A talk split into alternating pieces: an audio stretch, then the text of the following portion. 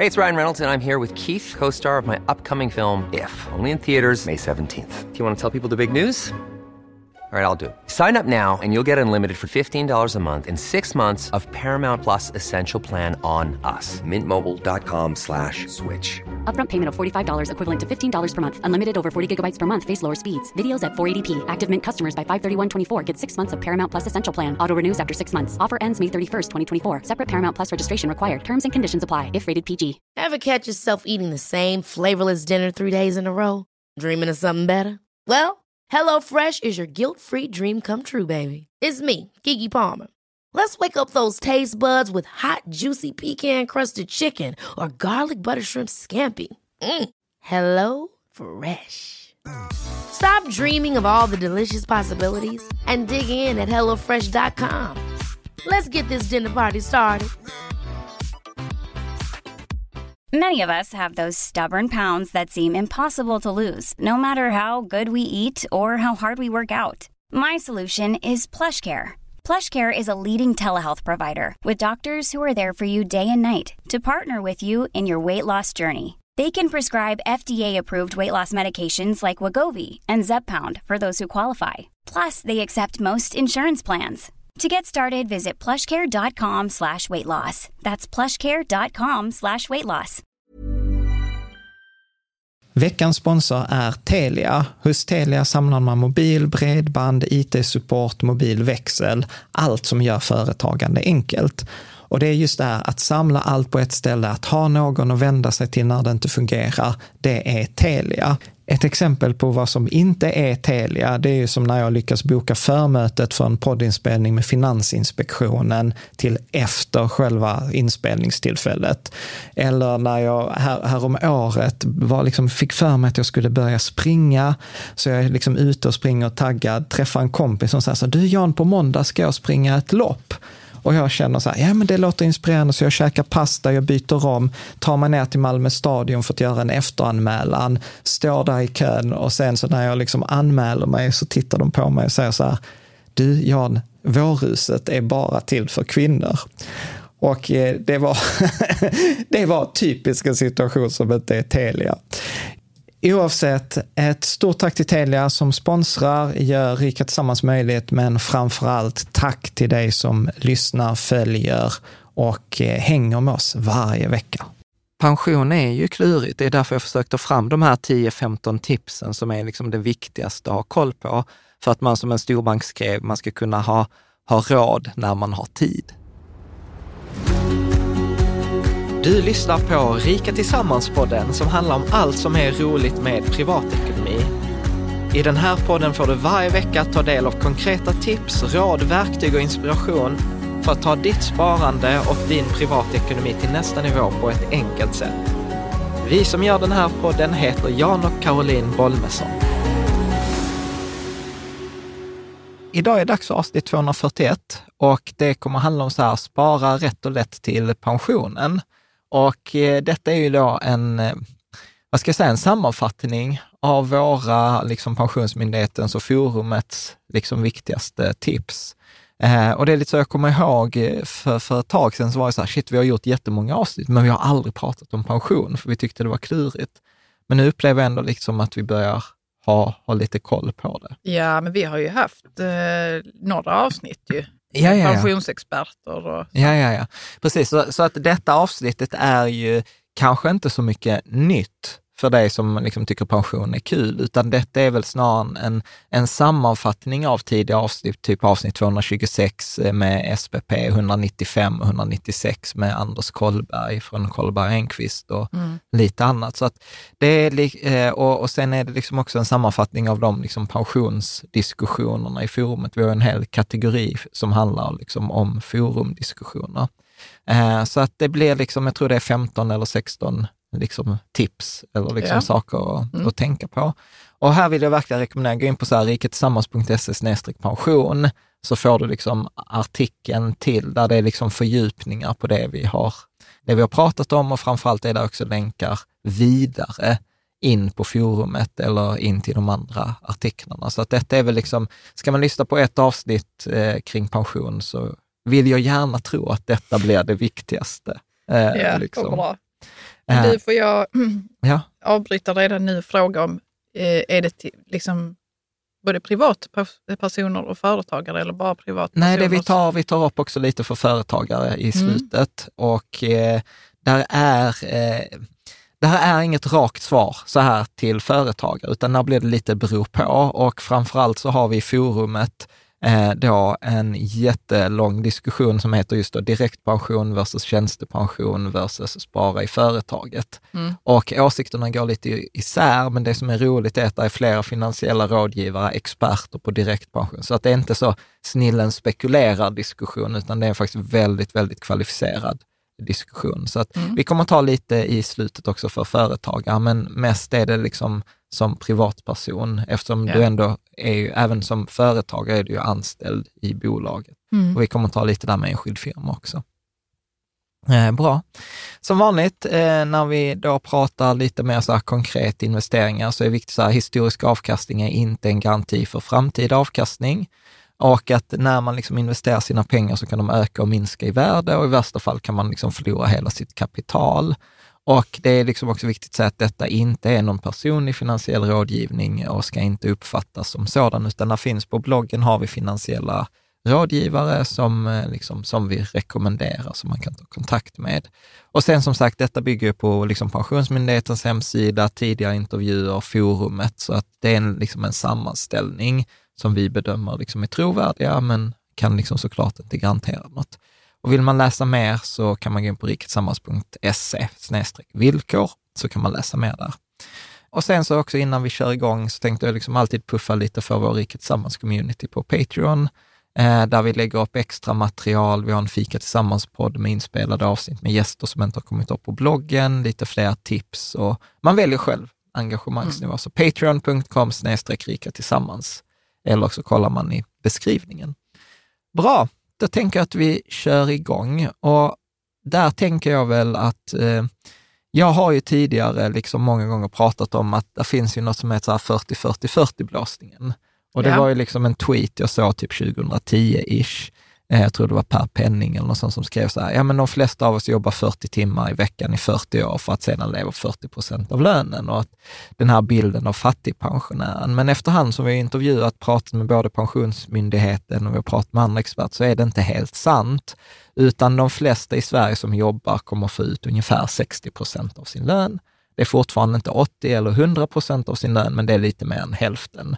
Sen får man också tänka på att när man blir äldre förhoppningsvis minskar ju utgifterna för att Ja. man inte har barn eller Ja, liksom sådant. absolut. Och tittar man på eh, Pensionsmyndigheten så säger de att liksom, av de här 60 procenten så kommer 35 procentenheter av din pension i form av slutlön, alltså det kommer som inkomstpension. Så inkomstpensionen står för mer än hälften av din kommande pension. Sen kommer den ges av eh, tjänstepensionen eh, som ges då av 15 procentenheter, så typ 25 procent. Och sen de sista 15 procenten ges av premiepensionen, alltså PPM. Så att detta visar ju liksom att det är ju liksom viktigt, vi kommer återkomma till det, att lönen är viktig för att lönen styr ju alla de här delarna. Men så man kan utgå från ungefär 60 procent av sin eh, lön. Jag bara tänker spontant när vi pratar om det här med att 40-40-40-blåsningen kanske inte är sann. Ja. Att, att eh, pensionärer har ju ändå ganska stark röst i samhället och tycker att de har det så dåligt. Liksom. Och det, Ja. Säkert kan det vara så, men det kanske är andra grejer då än pensionen man pratar med. Ja, men, men sen är det ju folk som har det tufft, Mm. absolut. Men då är det ofta att man har varit sjuk eller man har varit arbetslös eller man inte har jobbat. Alltså så att, det var ju också så här när vi pratade med Anders Kollberg, som tyvärr gått bort, eh, som vi intervjuade. Han var ju så här, nej men har man jobbat och liksom eh, haft en normal löneutveckling och sånt, så majoriteten har det liksom, har 60 procent eller mer. Så, och sen finns det såklart undantag, men det är ofta undantagen som man ser i media. Ja. Liksom. Mm. Så att om vi idag hoppar in lite på tipsen. Och jag tänkte återigen här, inte, vi, vi har ganska många sådana här olika tips, jag tänkte att vi tar dem lite översiktligt. Ja. Men då tänker jag också så här att eh, samma principer när man sparar till pension gäller ju som i annat sparande. Eh, alltså det vill säga det vi pratade om i avsnitt 99 eller 238, eh, att, att spara liksom eh, långsiktigt, regelbundet i liksom breda lösa, köpa hela höstacken. Liksom. Sen är det ju så att tyvärr funkar ju inte fondrobotar alltid i pensionslösningar. Till exempel Lysa funkar inte tjänstepension. Nej. Så att då får man ofta eh, liksom investera som Lysa, fast man får göra det själv. Och vi har ju, jag kommer till det också, men vi har ju förslag på, på bloggen, liksom hos de olika aktörerna, efter vad man kan välja för fonder. Men, men det är samma liksom strategi, det handlar om att köpa hela höstacken, inte försöka hitta nålarna, utan det ger ju liksom... Paketaktierna. Ja, Men vilken del av pensionen är det nu du pratar om där man liksom Nej, men- sparar själv? Ja, det, det kan vara både premiepensionen och tjänstepensionen som man kan liksom styra, som man kan välja själv. Mm. Inkomstpensionen kan man inte påverka, utan den Nej. förvaltar staten. Liksom, åt Ja. en. Det är mer liksom en skuldsedel kan man säga, medan tjänstepensionen och premiepensionen är så kallade fonderade pensioner. Att pengarna finns på ett konto och det är dina, det är dina Det pengar. låter så... eh, Du pratar alltid om att du kan inte det här med pension och så, men nu så låter du väldigt Som att jag kan. övertygande. Ja, ja, vi får se. Ja. Men, men där är också tanken att, eh, liksom jag gillar ju det vi pratar i avsnitt 238, det här med sparhorisonter, att eh, liksom kort sparhorisont, alltså är det pengar som du ska använda i pensionen om två år eller inom två år, då är det ju 100 procent bankkonto med insättningsgaranti som gäller. Eller då en kortränte eller en penningmarknadsfond. Så kort tidshorisont, låg risk. Eh, Mm. liksom. Man vill inte att något ska hända med dem. Nej, sen har man liksom den här vet inte sparhorisonten, alltså vi brukar så prata tre till nio år. Ja. Då brukar det vara så här 50 procent av globala aktieindexfonder och 50 procent av bankkonto eller kortränte och penningmarknadsfonder. Det är liksom fonder med kort, kort risk, liksom, eller lägst eh, liksom risk. Och sen har man lång sparhorisont, 10 år eller mer, ja men hög aktieexponering. Oavsett, återigen, köp höstacken, fundera inte så mycket på hur marknaden är dyr eller billig eller så. Det är ett långsiktigt eh, Mm. sparande, så att vi har ju tagit hand om det där i de andra två. Eh, och sen är det också viktigt när man tänker sparhorisont, att man tänker ibland så här att ja, men när jag är 55 och jag ska gå i pension 65, då har jag 10 års sparhorisont. Och det är sant. Men sen tänker man att när man är 60, då har man bara fem års sparhorisont till sin pension. Men så är det ju inte, du kommer inte använda alla pengarna när du är 65, utan Nej. vissa pengar kommer du använda när du är 70. Och, och då har du ju 10 års sparhorisont även om du är 60.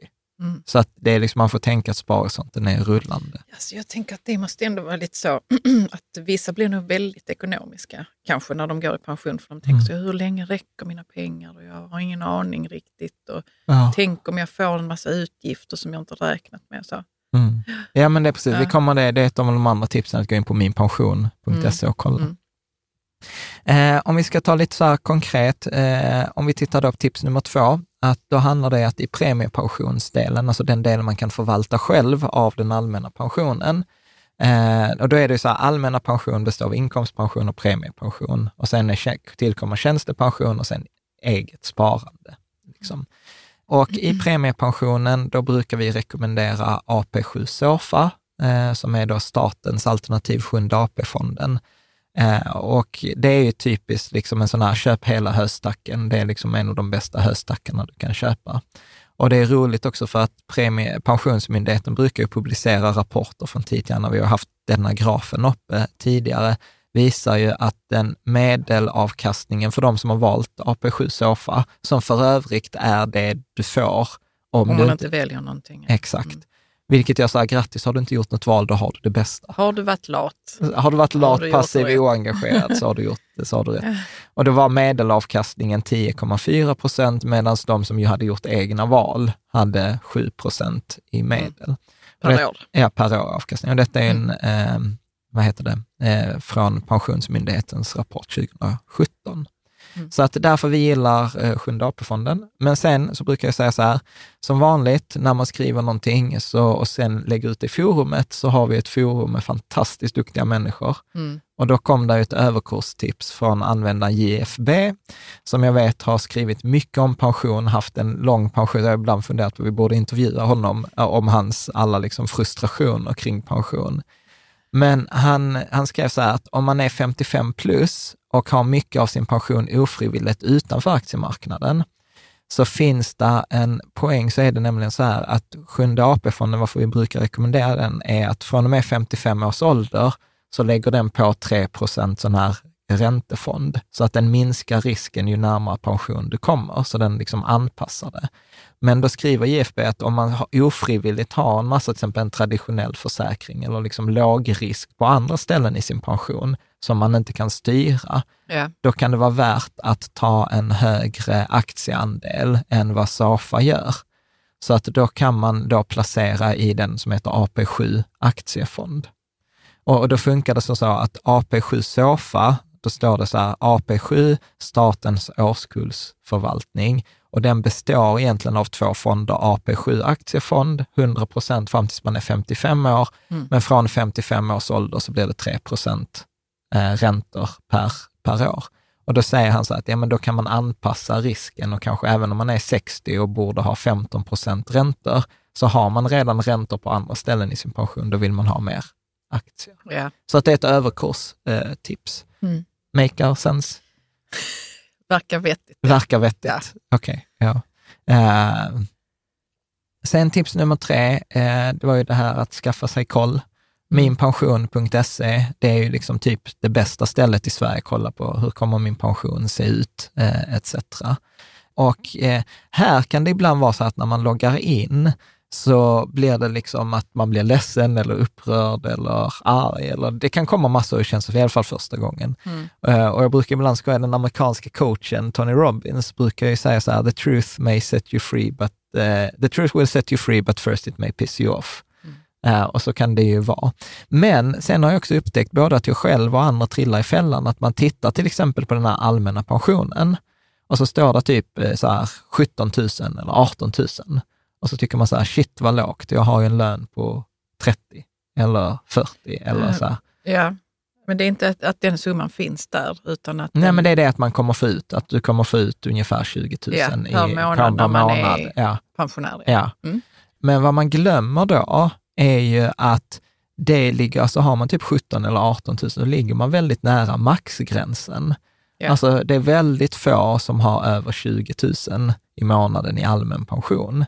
Och anledningen till det är att man tänker inte ofta då på att eh, avsättningen till inkomstpensionen är ju typ 18,5 procent av ens lön, men bara upp till 45 000. Så har du mycket högre lön än det så får du inte mer avsättning till din pension för det. Så att där blir, jag pratade med en annan finansiell rådgivare och han sa att det är väldigt sällan jag ser någon som har över 20 000 i allmän pension. Du sa att det var ett tak där. Kan man ändå få... Ja, men om du har till exempel... Jag har ja, du- pratat du- om detta, jag känner igen detta, men så kan jag inte komma ihåg. Vad sa Nej. du nu? Nej, men om man till exempel har allmänna pensionen består av då inkomstpensionen och eh, premiepensionen. Ja, och då kan man, om man har haft tur, man har hittat någon nål som har gått väldigt bra, någon fond, så kan ju premiepensionen stå för en större del och då kan den dra upp den allmänna pensionen. Men Okej. inkomstpensionen är ju mer eller mindre begränsad. Mm. Eh, så att det liksom så att när man jämför sig så, så kom ihåg, kom ihåg det. Så det var tips nummer tre. Om vi tar eh, fyra, eh, så har vi varit lite, vi har berört den innan, men om man då, får jag får många gånger fråga, så här, vad ska man välja till sin tjänstepension? Ja, men jag gillar ju det här, köp hela höstacken, alltså köp alla aktier i hela världen, i alla branscher, i alla storlekar, i alla länder.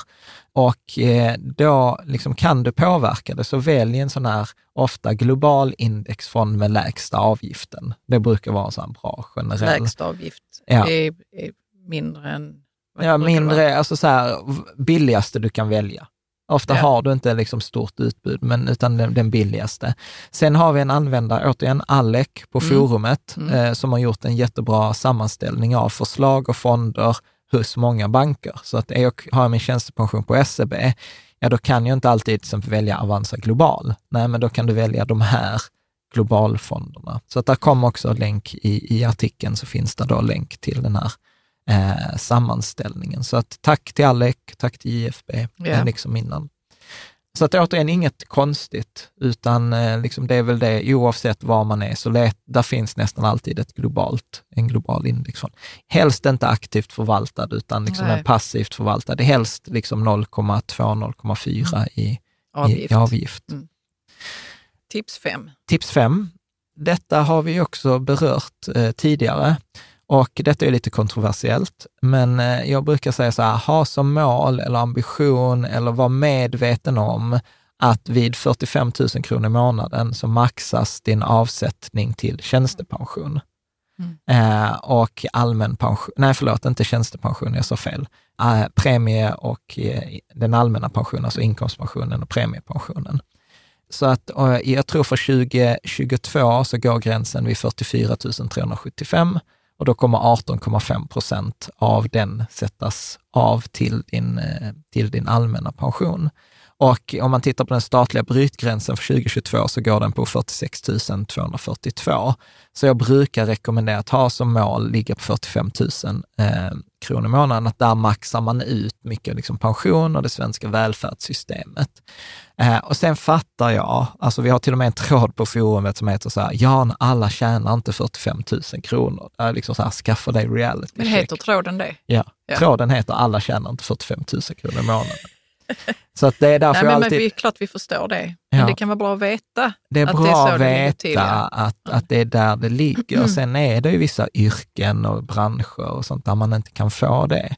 Men man behöver då vara medveten om att det, det gör ju också att pensionen kommer att bli, mm. bli lägre. lägre. Och sen kan man ju också, jag brukar ju säga så här, ja men eh, liksom finns, kan man göra sid, sidoinkomster eller man kanske sparar mer om man inte liksom, så, att, sen å andra sidan har man inte så hög lön så är det svårt att ha höga utgifter. Mm. Så att då har man ofta en annan utgiftsnivå också. Så att det går på jämnt ut, men man, liksom så här, jag tycker att det är värt att veta att vid 45 000 så maxas, maxas det ut. Och sen påverkar ju det ofta, jag tror liksom 90 procent av svenska anställda har kollektivavtal när vi kommer in på tjänstepension. Och då är ju den ofta 4,5 procent av lönen. Så att all pensionsavsättning är ju procentuell av lönen. Så att ju högre lön, desto mer pengar i pension. Mm. Men liksom så, det är inte så mycket att ha åsikt om. Liksom. Bra, tycker ändå vi håller bra tempo här idag. Eh, eh, ska vi ta tips sex? Ja. Eh, då handlar den om eh, tjänstepension. Det har vi varit inne och här hade jag också skrivit så lite yrat och sen kom JFB och så skrev han så här, så här ska du på tänka. Forumet, ja. På forumet. Hade du yrat. Ja, och så skrev han liksom så här, okej, okay, så han sa, den första viktigaste frågan du ska ställa till din arbetsgivare eller när du börjar byta jobb är så här, har ni kollektivavtalad tjänstepension eller inte? Ja. Har ni kollektivavtalad tjänstepension eller inte? Om svaret är ja, så liksom, eh, ja, vi har kollektivavtal tjänstepension, så är det bra. Liksom. Då är det tumme upp. Och de har ofta låga avgifter, de är lätta att flytta om man vill byta bank eller försäkringsbolag. Och här hamnar majoriteten. Det är vanligare att man har kollektivavtal. Ja, alltså de flesta arbetsplatser har mm. kollektivavtal. Ja. Men inte. Ja. Eh, följdfrågan, om de har det, säger så här, vilket avtal tillhör arbetsgivaren? Att det finns lite så här olika typer av sådana här avtal, liksom beroende på om det är statligt eller om det är privat eller liksom etc. Eh, och då är man liksom, det här avtalsområdet styr liksom, okej, okay, hur mycket är avsättningarna, vad kan man liksom välja? Eh, och och eh, det, där pratar man ju om den här valcentralen. Så där kan man ofta gå och prata då med, eh, man får en informationsblankett, man kan titta på valcentral. Men svar, det enkla svaret är så här, kollektivavtalad tjänstepension, det är bra. Det är bra. Om man får annat ganska vanligt svar, till exempel ofta på konsultbyråer eller andra ställen, liksom ofta privata för privatägda företag, eh, så kan svaret vara så här, nej, vi har inte kollektivavtal tjänstepension, vi har en egen lösning. Ja. Det är inte ovanligt. Eh, och det kan vara bättre än den kollektivavtalade och det kan vara sämre. Eh, så att där får man ju be om den här informationsfoldern och så får man titta på liksom avgifterna. Helst ska ju avgifterna vara noll eller så låga som möjligt eller prata med en kompis som har tjänstepension, är kollektivavtalad, så man kan jämföra eller ställa frågan i forumet. Är mm. detta bra eller dåligt? Så hjälper vi till att titta på det. Eh, så att det viktigaste här är då när man tittar så här, låga avgifter, summan som sätts av per, eh, det brukar vara 4,5 procent. Mm och om den är flyttbar. Det är liksom de tre viktigaste sakerna. Sen kan du få svaret så här, nej, det finns ingen eh, tjänstepension och det är dåligt. Det är riktigt yeah. dåligt. Då, då brukar jag brukar säga att det är så pass dåligt att det är värt att byta arbetsgivare. Alltså att det, man Då kan sätts gilla... det inte av någonting eh, Nej, och, nej, och tänk på, kommer som vi sa i början, att av din framtida pension så ska ju 25 procent av pensionen, eller då 15 procentenheter av de här 60 eh, procentenheterna ska ju komma från tjänstepensionen. så, att det Mm, är är, så det är 25 procent lägre pension än om du skulle jobba med samma arbetsuppgifter hos en arbetsgivare som är kollektivavtalsansluten. Mm. Så att det, det är viktigt. Sen Vad är försök... det för jobb som inte har det då? Kan det vara? Ja, Är det typ Amazon? ja, jag vet Jag vet inte, det har varit ju i media Mm. eh, mycket kring att vissa arbetsgivare, stora företag, eh, Ja. inte har det i, vissa länder. Ja, Mm. ja. Precis. Jag vet inte, men man behöver vara medveten om. Sen Mm. försöker staten hjälpa till att då kan man få liksom, skattereduktion på eget pensionssparande etc.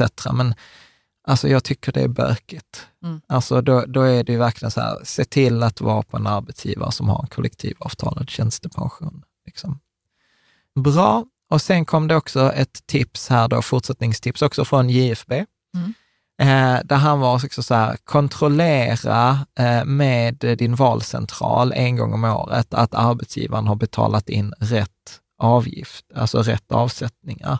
För att ungefär 10 procent, var tionde person har fel avsättning. Det kan vara att man har, de har betalat för lite, inte har rapporterat in din lön för att du har fått löneförhöjning. Och eftersom det räknas på lönen så går det ju på den rapporterade lönen hos valcentralen. Det är fan inte klokt. Ja. jag förstår, men det, ja, Ja. man tror ju att det ska funka Ja. av sig själv. Ja, men det är inte, det är inte säkert. Så att där, där är liksom ungefär en av tio har, har, Mm. har fel. Och här skrev han ju också om sina turer. För han var så att om, om arbetsgivaren betalar in för mycket, ja då kan arbetsgivaren bara typ ta ut de pengarna med hjälp av då bolaget och eh, du får knappt reda på det. Om de däremot har betalat mindre, ja då är det, kan det vara bökigt. Eh, för att eh, liksom, inte... Nej, det tar lång tid. Resten, liksom. Ja, och framförallt så får du bara kapitaltillskottet, alltså det de skulle betalat in. Men säg att det är fel tio år bakåt, ja då missar, har du ju missat tio år ränta på ränta. Mm. Och den får du inte ersättning Nej, för. inte. Så att liksom en sån här grej en gång om året, kolla upp med valcentralen. Vad är nu en valcentral? Nej, men det är ju då att du, där du kan välja, alltså det här avtals... Jag, alltså jag kan ju inte det här, men om jag, om jag hittar på och provpratar, men så säger jag att okej, men vi, vi har kollektivavtal, tjänstepension och så kan jag välja till exempel AMF. Mm. Ja, då får jag kontakta AMF och, och, och liksom kolla vad, vad är inbetalningarna, stämmer det med den rapporterade lönen? Mm. Liksom, etc. Eh, okej. Ja, vad bra. Det är supertips detta. Ja. Eh, och de är inte mina egna. Nej, Liksom så här det classic. gör ingenting. Eh. Vi är glada för JFB, JFBs tips. Ja. Tips sju nu då. Ja, om man inte har tjänstepension, då brukar jag, då, då finns det möjlighet att ta det som kallas för individuellt pensionssparande, IPS. För alla andra som har tjänstepension och för alla, så i 99 fall av 100, så ska du undvika IPS. Det är en gammal lösning som förr var Ja. skatteförmånlig, men som idag är, är liksom dålig, utan idag är det mycket bättre att spara i ISK. Ja. Liksom. Men Jag har ju ett IPS-sparande. ja, Och tyvärr mina Tesla-aktier i den. ja, precis. Och de kan du inte ta Och ut. jag kan inte göra någonting med det Nej. nu. Nej. Och- Om, jag tror om IPS, där finns någon regel att om IPS-sparandet tror jag är mindre än något basbelopp, typ 40 000, så kan man ta ut pengarna. Mm. Eller något sånt. Men det, det är också en specialregel Ja. eh, som man kan, man kan kolla upp. Är det i alla fall över 40 000 så kan du inte ta ut det. Det, det vet jag. Hiring for your small business? If you're not looking for professionals on LinkedIn, you're looking in the wrong place. That's like looking for your car keys in a fish tank. LinkedIn helps you hire professionals you can't find anywhere else, even those who aren't actively searching for a new job but might be open to the perfect role. In a given month, over 70% of LinkedIn users don't even visit other leading job sites. So start looking in the right place. With LinkedIn, you can hire professionals like a professional. Post your free job on linkedin.com slash achieve today. Wow. Nice. Yeah. What you're hearing are the sounds of people everywhere putting on Bombas socks, underwear, and t-shirts made from absurdly soft materials that feel like plush clouds. Yeah, that plush. And the best part? For every item you purchase, Bombas donates another to someone facing homelessness. Bombas. Big comfort for everyone. Go to bombas.com slash ACAST and use code ACAST for 20% off your first purchase. That's bombas.com slash ACAST, code ACAST. There's never been a faster or easier way to start your weight loss journey than with PlushCare. PlushCare accepts most insurance plans and gives you online access to board-certified physicians who can prescribe FDA-approved weight loss medications like Wigovi and Zepbound for those who qualify. Take charge of your health and speak with a board-certified physician about a weight loss plan that's right for you. Get started today at plushcare.com slash weight loss. That's plushcare.com slash weight loss. plushcare.com slash weight loss. Så att det om man inte har tjänstepension eller man har enskild firma, så kan det vara ett, ett alternativ med det individuella pensionssparandet, IPS, för då får man skatterabatt på det, på det sparandet. Bra. Mm. Om vi tittar vidare på tips åtta, så nu är vi halvvägs. Eh, löneväxling, eh, så brukar jag säga så här att har du en lön under 45 000 så är löneväxling inte, det är bara Vad att är säga nu det nej. igen? När man, Man växlar en del av lönen, att arbetsgivaren betalar ut en del av lönen istället eh, som pension. Mm. Så att du ökar ditt pensionssparande. ja. Men av skatteskäl så är detta lönsamt först på liksom höga löner efter 45 000 i månaden. Och man kan tjäna ett par procent eftersom arbetsgivaren får en lägre, lägre skatt, liksom, så att det blir lite mer förmånligt att göra det. Så där får man också kolla att arbetsgivaren inte behåller de här 6 procenten extra av misstag. För Det är liksom ofta inte illvilja, utan arbetsgivare vet inte om att de får 6 procent lägre skatt eh, liksom på det där. Sen ska jag också säga att eh, i forumet, också i artikeln som hör till denna, denna videon, så är det också diskussioner i forumet där vissa tycker att löneväxling inte är ett alternativ. Då tar vi nästa tips. Ja, nio. Denna var klurig och detta handlar om efterlevandeskydd och premiebefrielse. Och efterlevandeskydd är ju en slags livförsäkring, eller att om man dör så går eh, tjänstepensionen till ens partner eller till ens barn. Och jag har alltid tyckt så här, ja, ja, men det är klart att man har det. Eh, liksom. Men grejen är om man inte har det, utan det vill säga att om man dör, så går inte pengarna till ens fru eller till ens barn, utan de går liksom till en pott. Och sen fördelas att alla då som har valt bort detta, som deltar i denna potten, får då fördelat eh, liksom summan av den potten av alla som har dött. Är du med? Ja, ja. Liksom. Så man deltar i en pott, att lever du så får du en del av den potten av alla andra som också har valt att inte ha efterlevandeskydd. Och detta kan göra en ganska stor skillnad, alltså det kan göra uppemot 10 procent. Eh, så att det, det är liksom en, en, en, en ganska, det är inte så självklart val att man alltid ska ha efterlevandeskydd och alltid ska ha premiebefrielse. Så att... mm, Jag, tre- jag känner bara att jag inte fattade detta nu. Du sa Så att det jag har fanns två en pott val. också. Men Nej. om man dör då? Ja, så Ja. går de till en pott. Ja. och den potten fördelas på alla som då har valt bort att pengarna inte ska gå till ens fru eller ens barn. Är med? Så dör jag och jag har efterlevandeskydd. Så här, om jag tar mig själv. Mm. Om jag dör, jag tror jag har efterlevandeskydd idag. Om jag dör så går pengarna till dig. Ja, ja, det är dina pensionspengar. Mina pensions, min Mm. tjänstepension. Annars Ja. så gör de inte det. Om jag inte har efterlevandeskydd, då går de inte till dig, då går de till en pott. Mm. Ja, är ni med? Och du får ingenting. Uppsidan för mig är att om de går till pott och jag inte dör, så får jag ta del av den potten av alla de som har dött under året. Förstår du? Att då, då ökar min pension med den, min andel av potten. Varför gör den det? För att det är dealen. Med efterlevandeskydd? Nej. Nej, men varför, varför får du ta del av potten? För Får, att jag, jag, får alla det? alla som inte, alla som inte eh, liksom har efterlevandeskydd får del av potten.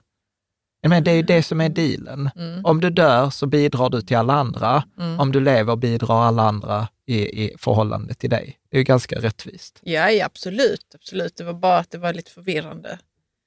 Okej, Okej, bra. har, jag förklar- har, jag- ja. har jag förklarat tydligare nu? Ja. Ja.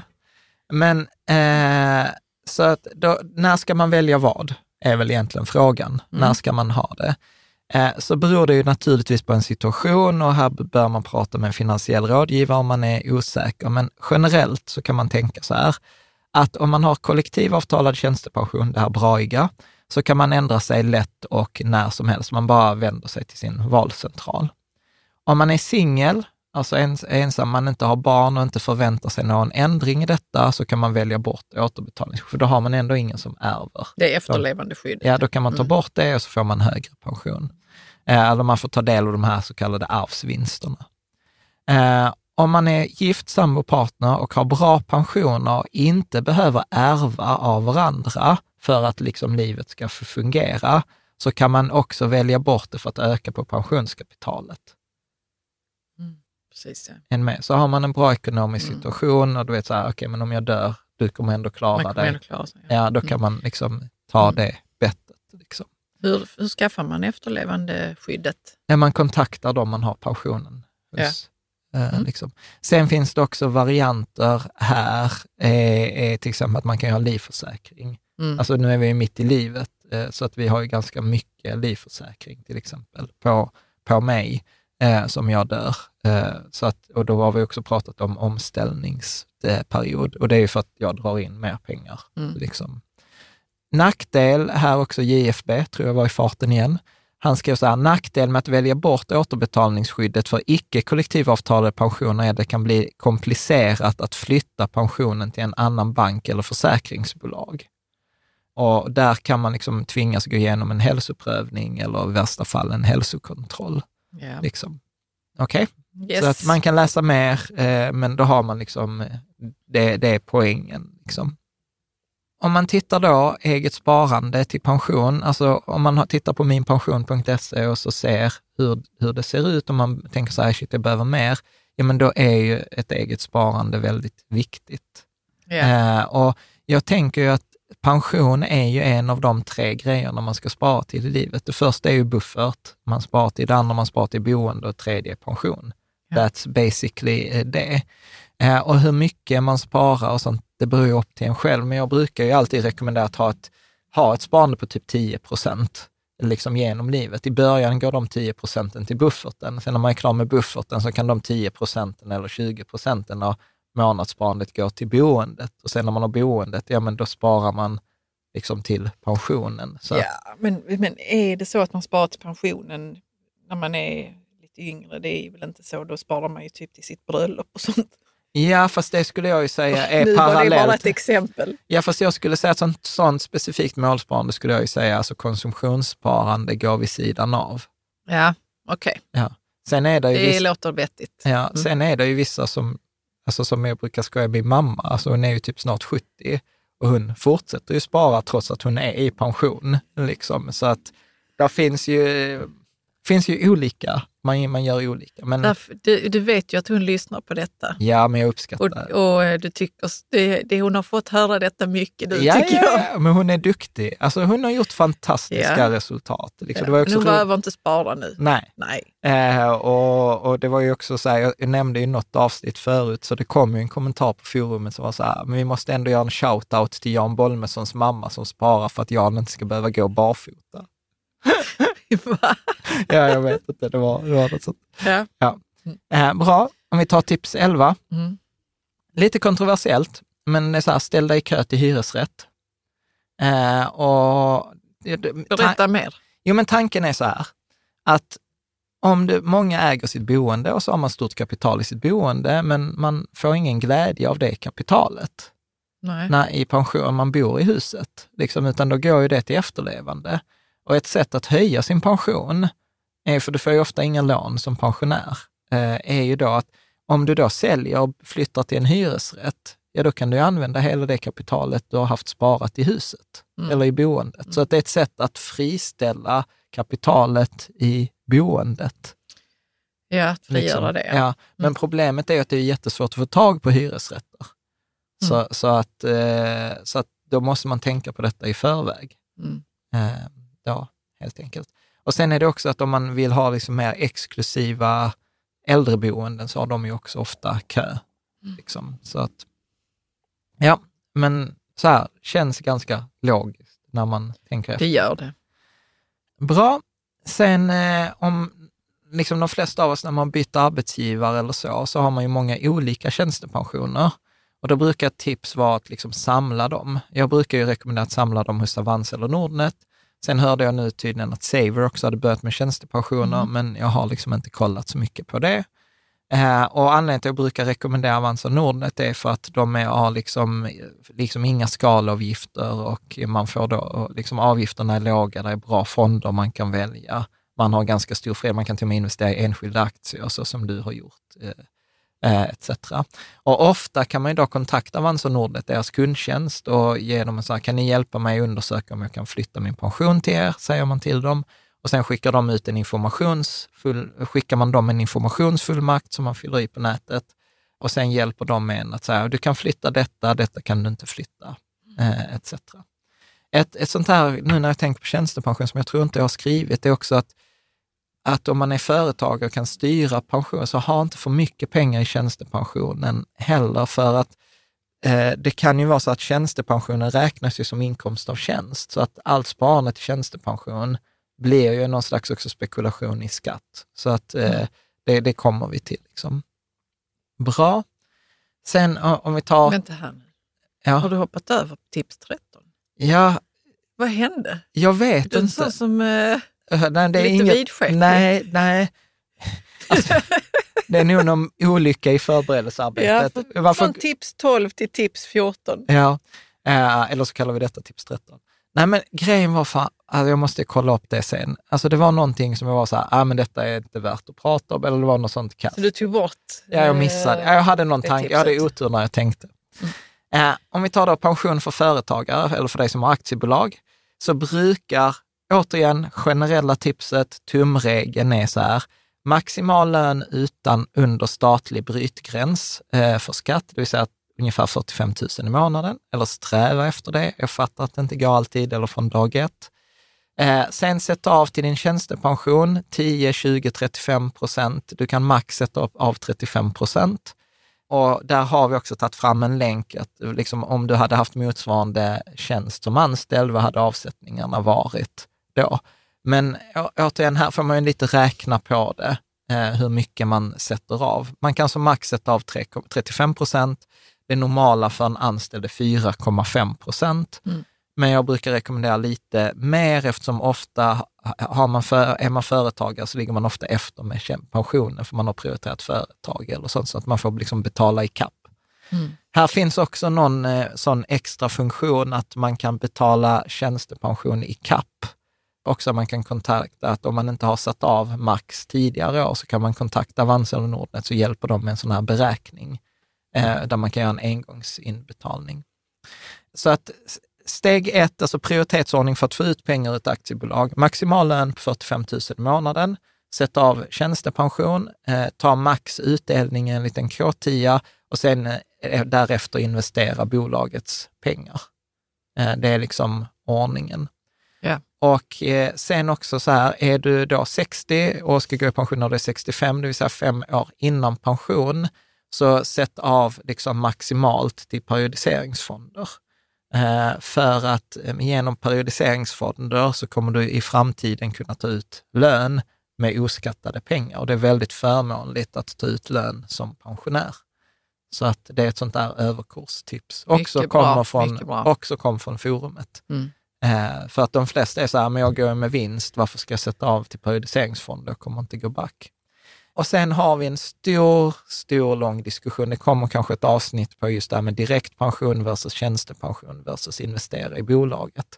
Eh, och man kan göra liksom lite olika och det beror på vilka faktorer som är viktigt för en. Är det att liksom till exempel maximera avkastning eller är det att ha max säkerhet, alltså trygghet etc. Men man kan läsa den tråden, det är full med räkneexempel och argument för eller emot och det är till och med olika finansiella rådgivare som diskuterar med varandra, Härligt. vilket, vilket, är, vilket är kul. Bra. Eh, Och sen också här eh, ett tips om man kan styra detta, så kan det ibland finnas en fördel också att ha två tjänstepensioner. För att eh, när man sen ska ta ut pengar från en tjänstepension, då kan man göra det antingen på fem år, tio år tror jag, eller livsvarigt. Och då kan det finnas en poäng med att man har en tjänstepension man tar ut på fem år mellan 65 och 70 och sen en man tar ut livsvarigt. Så där kan finnas fördel att ha två tjänstepensioner. Mm. Bra. Det är förståeligt. Ja. Tips då 15 eller 14. Eh, att om du ska ta lån så gör det tidiga 50-årsåldern. Många har vittnat om att även om man har ett obelånat eh, hus eller låg belåningsgrad så kan det vara svårt att få lån som då 60-åring för att banken tycker din återbetalningsförmåga, du har säkerhet men du har ingen återbetalningsförmåga. Vänta här nu, man har ju sin pension som kommer. Den, Ja. den talas ut varje månad och det är liksom säkert. Mm. Du skulle ju med jobb kunna förlora det och då är Ja, det ja. ju inte så säkert. Är Absolut. inte pensionen säkrare än ett jobb? Jo, fast, fast den är ju lägre. Alltså så Jo, att den är jo, så att i men- banken sån här kvar att leva på-kalkyl. Så- så, så det tycker inte- de inte det är nej, riktigt? Att, det, är så mycket utrymme. Nej. liksom. Nej, nej, jag fattar. Så att, eh, så att det är en sån där grej. Så att ibland, alltså om, om man tittar utifrån den här principen, eh, optionsvärd, att ha så mycket alternativ som möjligt, Mm. så kan det ju vara rimligt att ta ett lån när man är i 55-årsåldern, även om man kanske inte behöver det, för att sen ha det tills när man är 65 eller äldre. Eh, så att det är en sån där grej att, att tänka på. Vad skulle vi, om vi skulle ta lån när vi är 50, vad skulle vi då? Då skulle vi liksom ha det någonstans. Ja, alltså Och sen, på, eh, kanske placerat det eller använt det för att leva på eller liksom. Precis, jag tänkte så, vad ska man ha det till då? Man, man, vill, man vet ju vad man vill ha lånet till när man behöver lånet, men innan dess vet man inte det. Ja, eller så har man, liksom, man liksom- har pengarna och tar man ut det 50, man ska ju i pension när man är 65, ja då har du ju 15 år du kan investera dem. Mm. Det är rätt lång tid. Ja. Ja. Ja, liksom, så att återigen, detta är ett överkurstips, men, men liksom man kan ha det på bankkonto också. Ja, du betalar en ränta för dem, men du, du, vad du får är ju en optionsvärde, att du Ja. får ju de pengarna ut, för du kommer inte få ut dem sen när du är, när du Äldre, är nej. äldre. Nej. Och här, om man inte har barn som kan vara borgensåtagare eller liksom sådant. Så att varianter, så att hela tipset heter om du ska ta lån, Ja. så gör det tidigt. Där står inte ta lån. Nej. Eh, bra. Eh, om vi tar tips kring uttag, eh, alltså så här, när man ska börja ta ut pension, så brukar jag säga så här, alltså detta är komplext. Det är svårt att liksom planera uttag av sin pension, särskilt om man har fler tjänstepensioner, man har en lite komplex situation. Och jag vet folk som är duktiga på att räkna, som ändå varit så här, shit, jag har räknat hållfasthet på broar, men jag kan fan inte klara av att räkna ut min pension. så att eh, jag brukar rekommendera att ta hjälp av proffs. Eh, och den, vi hade ju ett proffs eh, i ja, då 195-196 avsnitten, Anders Kollberg, men han, har ju, han gick ju tyvärr bort. Och han hade ett företag som heter Kollberg Enqvist, men hans kollega Enqvist, Jarl, jobbar kvar. Mm. Så att eh, man kan ta kontakt med dem. Eh, eller ta till exempel Småspararguiden som jag gillar. Eh, och så kan man liksom prata, prata med dem och få hjälp hur Ja. man kan tänka. Eh, men om man ska ta generella tips eh, så är det så att inte ta ut hela sin pension jämnt livsvarigt, utan tänka på att man kommer förmodligen ha andra önskemål mellan 65 och 70 än man kommer ha mellan 80 och 85. Mm. Eh, liksom, för man Visst, kommer vara kanske piggare och liksom sådant. Så att då har man mest nytta av, av pengarna. Och sen också då, kom ihåg det, man vet inte hur gammal man blir om man till exempel behöver finansiera hemtjänst själv eller så. Så att det är ja, värt att tänka på. Eh, och sen också ett annat tips var att om man ligger och balanserar på statlig skatt så kan man liksom kanske smeta ut det så att man hamnar, liksom istället för att ha 60 000 de första fem åren, jag försöker smeta ut det på 10 år så att du ligger på 45 000 så att du får lägre skatt. Mm. Eh, liksom, så att man smetar ut det. Annars kan man också säga generellt kan man säga ta ut pengarna så tidigt som möjligt och investera, du, investera dem själv om du inte använder upp dem. Och eh, det är jättesvårt att förutsäga utgifter i 70-årsåldern när man är i 40-årsåldern. Ja, det är det ju. Men så att uttag, har man bestämt en gång hur det ska vara, kan man inte ändra det sen då? Eh, jag vet inte. Nej. Vissa kan man säkert ändra, andra inte. Jag, jag, jag vet inte. Jag vet inte. Alltså för oss ligger ju det typ 25, eller för mig ligger det 25 år fram, så att jag har liksom inte kollat. Det är därför jag försökt undvika de här avsnitten, men nu känner jag ändå så att de här grejerna vi har pratat om är ganska, Ja, det mesta är ändå ganska på plats. På Liksom. plats ja. Mm. Sen vet jag ju att vi, vi människor gillar att jämföra oss. Eh, liksom. Och eh, då har ju Pensionsmyndigheten släppt siffror för typ en sån här typsvensk som har ett vanligt jobb, som börjar spara när man är 23. Och då kan jag också säga så här, jag glömde säga innan, tjänstepension betalas sällan ut om man är under 25. Eh, så att om man är under 25 så är man ofta inte på de här tjänstepensionslösningarna. kan vara bra att veta. Ja, ja. Mm. Och liksom riktlinjer, om man då summerar då summan av inkomstpension, all, eh, premiepension, tjänstepension, så ligger då den här typsvensken när han är 30, eller hon, 340 000, vid 40 års ålder 1,2 miljoner, 50 års åldern 3 miljoner, typ 2 785 000, vid 60 års åldern 4 830 och vid 68 års ålder 7 miljoner. Det är liksom typ fallet. Och det är detta alltså summan av inkomstpension, premiepension och tjänstepension. Eh, och sen har de även då släppt eh, sån här fördelningen och då är ju majoriteten är ju då inkomstpensionen, eh, den som man inte kan påverka själv. Men sen är ju liksom både premiepensionen och tjänstepensionen super, super viktiga. Mm. Och, och där, de har också eh, i, räknat om det med tabeller eh, och vi har detta på forumet så att man kan gå in och jämföra sig. Du tittar här på grafen. Ja, men jag tittar på grafen som vi visar upp. Det, det är smått här. Ja, men det är inte så Under viktigt. så kan man se det. Men det Ja. kan man väl kanske Ja, om man tittar om på man videon. trycker- ja, eller snarare så här, gå in på artikeln riktsamhället.se pension, så är den där och så kan Ja. man liksom zooma in. Ja. Det är inte superviktigt, det är inte det, är inte, det är inte det bärande i, i detta avsnittet. Bra.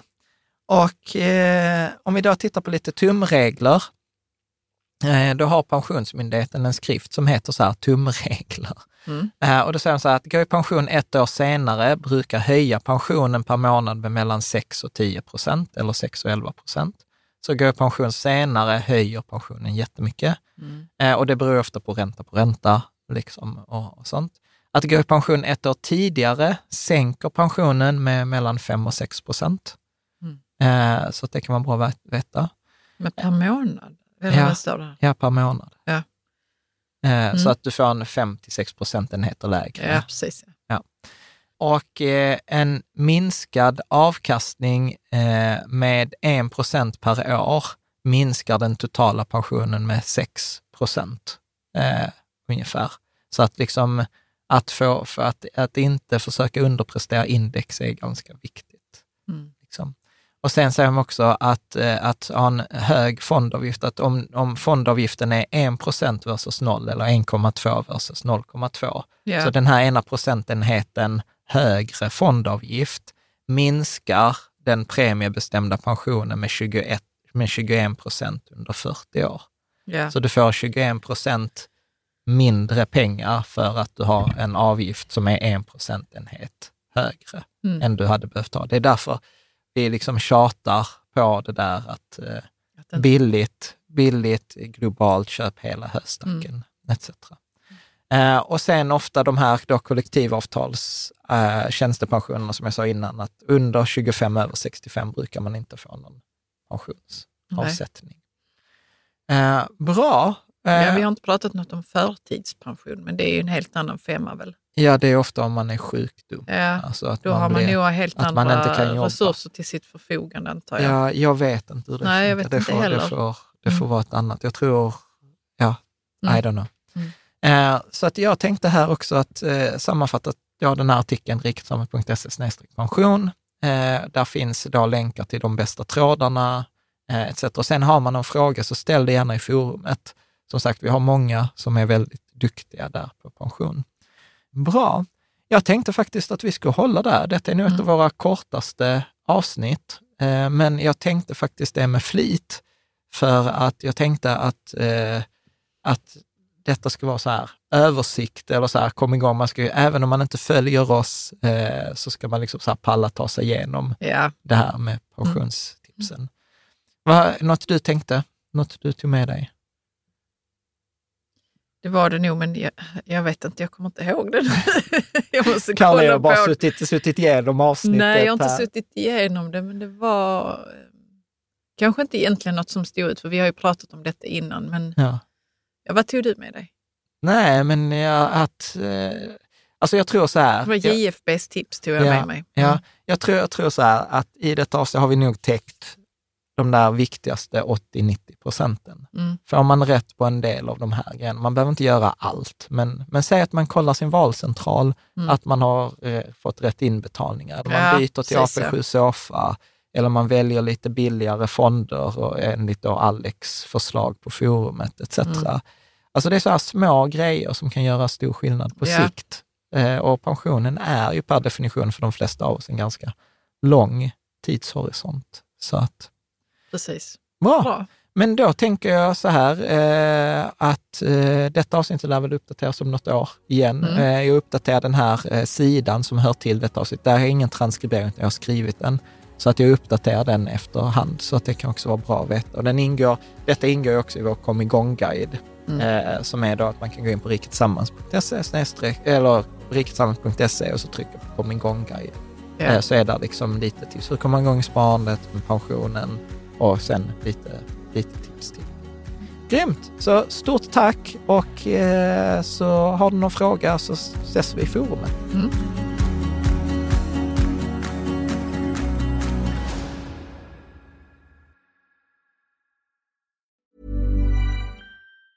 Ever catch yourself eating the same flavorless dinner three days in a row? Dreaming of something better? Well, HelloFresh is your guilt-free dream come true, baby. It's me, Kiki Palmer. Let's wake up those taste buds with hot, juicy pecan-crusted chicken or garlic butter shrimp scampi. Mm. Hello Fresh. Stop dreaming of all the delicious possibilities and dig in at HelloFresh.com. Let's get this dinner party started.